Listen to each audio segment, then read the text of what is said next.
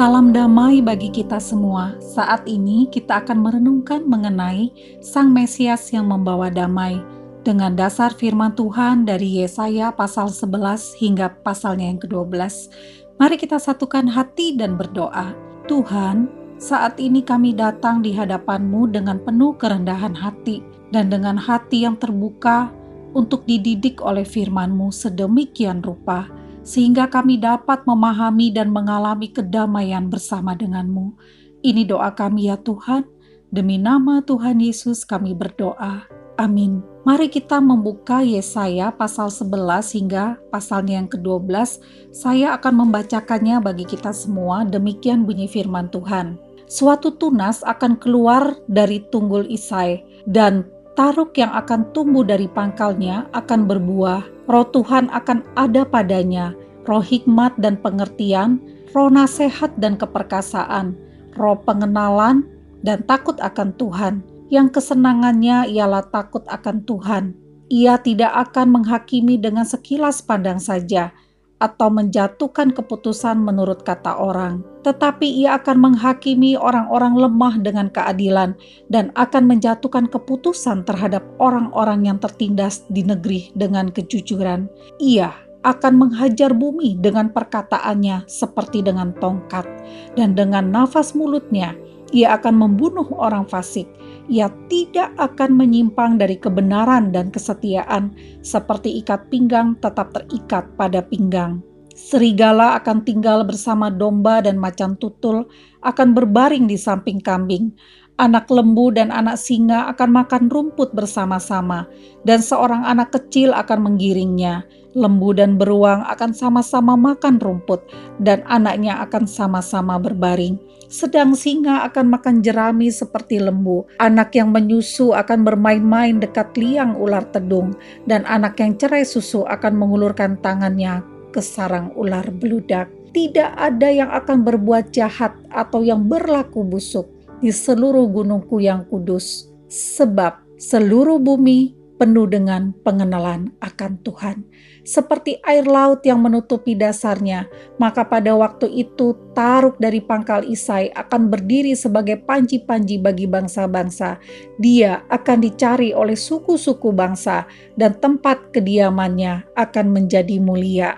Pada waktu itu, Tuhan akan mengangkat pula tangannya untuk menebus sisa-sisa umatnya yang tertinggal di Asyur dan di Mesir di Patros, di Ethiopia, dan di Elam, di Sinear, di Hamat, dan di pulau-pulau di laut. Ia akan menaikkan suatu panji-panji bagi bangsa-bangsa, akan mengumpulkan orang-orang Israel yang terbuang, dan akan menghimpunkan orang-orang Yehuda yang terserak dari keempat penjuru bumi. Kecemburuan Efraim akan berlalu, dan yang menyesakan Yehuda akan lenyap. Efraim tidak akan cemburu lagi kepada Yehuda, dan Yehuda tidak akan menyesakkan Efraim lagi tetapi mereka akan terbang ke barat, ke atas lereng gunung Filistin.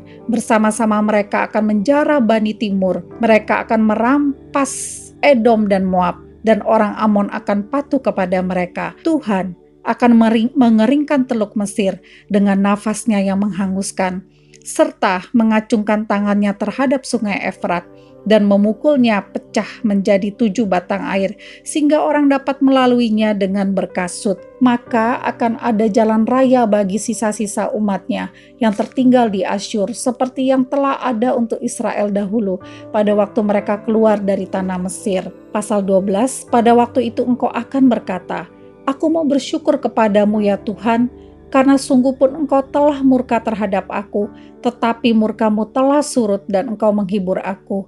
Sungguh Allah itu keselamatanku, aku percaya dengan tidak gemetar. Sebab Tuhan Allah itu kekuatanku dan masmurku, ia telah menjadi keselamatanku. Maka kamu akan menimba air dengan kegirangan dari mata air keselamatan. Pada waktu itu kamu akan berkata, bersyukurlah kepada Tuhan, panggillah namanya, beritahukanlah perbuatannya di antara bangsa-bangsa, masyurkanlah bahwa namanya tinggi luhur. Bermasmurlah bagi Tuhan, sebab perbuatannya mulia, baiklah hal itu diketahui di seluruh bumi.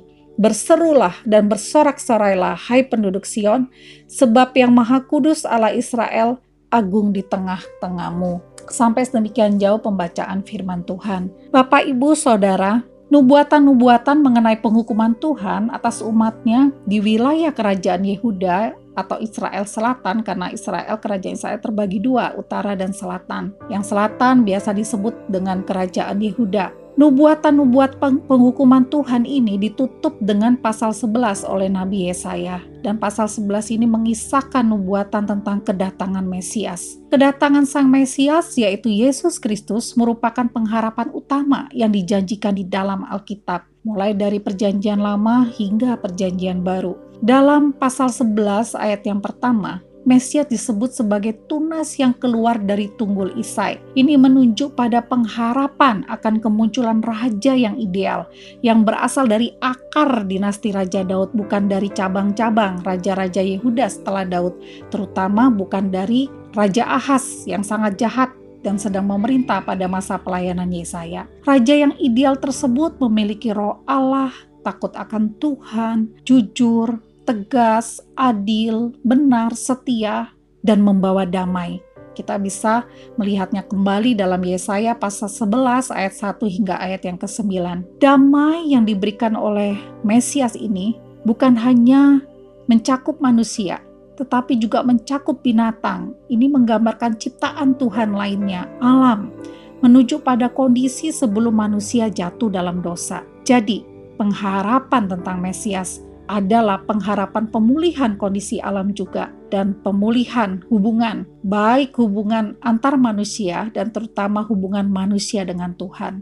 Pengharapan tentang Mesias yang mendatangkan damai dalam kehidupan manusia, terutama orang percaya, sebagaimana disebutkan di dalam Yesaya 11, telah mulai diwujudkan pada saat kedatangan Yesus yang pertama kondisi damai yang sempurna yang mencakup pemulihan hubungan seutuhnya antara manusia dengan Tuhan, antara manusia dan alam ciptaannya, antara manusia dengan manusia yang lainnya akan terwujud sepenuhnya saat kedatangan Tuhan Yesus yang kedua kali.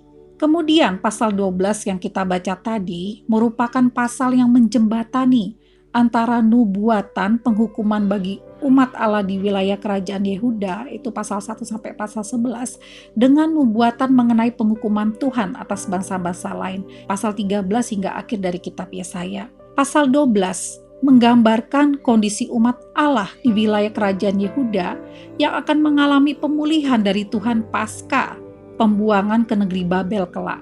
Perlu diingat, ketika Yesaya menyampaikan nubuatan pemulihan ini, ada rentang waktu lebih kurang 95 tahun, hampir 100 tahun ya, sebelum pembuangan umat Allah ke kerajaan Babel. Dan kerajaan Asyur juga masih cukup berkuasa pada masa tersebut ketika Yesaya menyampaikan nubuatan ini. Namun, di tengah situasi yang terjepit antara tekanan dari kerajaan Asyur sebagai bentuk penghukuman Tuhan bagi umatnya dan rencana Tuhan untuk menambah penghukumannya atas umatnya melalui pembuangan oleh kerajaan Babel dan juga antara Tuhan akan menghukum juga bangsa-bangsa lain, seruan untuk mempercayai kasih setia Tuhan, seruan untuk mempercayakan diri sepenuhnya kepada Tuhan, dan seruan untuk percaya akan terjadinya pemulihan dari Tuhan disampaikan oleh Tuhan melalui Nabi Yesaya kepada umatnya. Bapak, Ibu, Saudara yang dikasih oleh Tuhan, sikap percaya kepada Tuhan yang demikian di tengah masa penghukuman Tuhan ini penting sebab dapat membuat umat Tuhan tetap dapat memiliki pengharapan yang mendatangkan damai dalam hidup di tengah kesesakan sambil menanti masa pemulihan tiba yang pada akhirnya akan mendatangkan rasa syukur yang besar kepada Tuhan dan rasa syukur yang besar itu kemudian akan menjadi pintu pembuka untuk menyaksikan akan pribadi Tuhan di antara bangsa-bangsa yang mengalami penghukuman Tuhan. Bapak, ibu, saudara yang dikasih oleh Tuhan, ketika saya merenungkan hal ini, saya sampai pada suatu kesimpulan: kedamaian dalam hidup dapat dialami jika kita sedia belajar untuk tetap mempercayai pribadi Yesus dalam kondisi paling sulit sekalipun. Sikap yang demikian akan mendatangkan ucapan syukur kepada Tuhan Yesus dan menjadi pintu untuk menyaksikan pribadi dan karya Tuhan Yesus kepada orang lain yang dalam kondisi sulit. Bagaimana dengan Bapak Ibu Saudara sekalian? Marilah kita tetap mempercayai pribadi Tuhan Yesus. Mari kita satukan hati dan berdoa. Tuhan, kami bersyukur diingatkan untuk terus mempercayaimu dalam segala kondisi kehidupan kami, terutama ketika kami mengalami situasi yang sepertinya buntu. Tidak ada jalan keluar sama sekali. Oh Tuhan, berikan kami hati yang teguh untuk dapat tetap mempercayaimu, bahkan ketika kami masih tetap berada dalam jalan yang buntu hingga pada saat ini. Izinkanlah kami ya Tuhan, dapat menikmati damai dalam hati kami, karena kami percaya kepada pribadimu dan bukan karena pemberian-pemberian tanganmu saja. Ini doa kami Tuhan, demi nama Tuhan Yesus kami berdoa. Amin.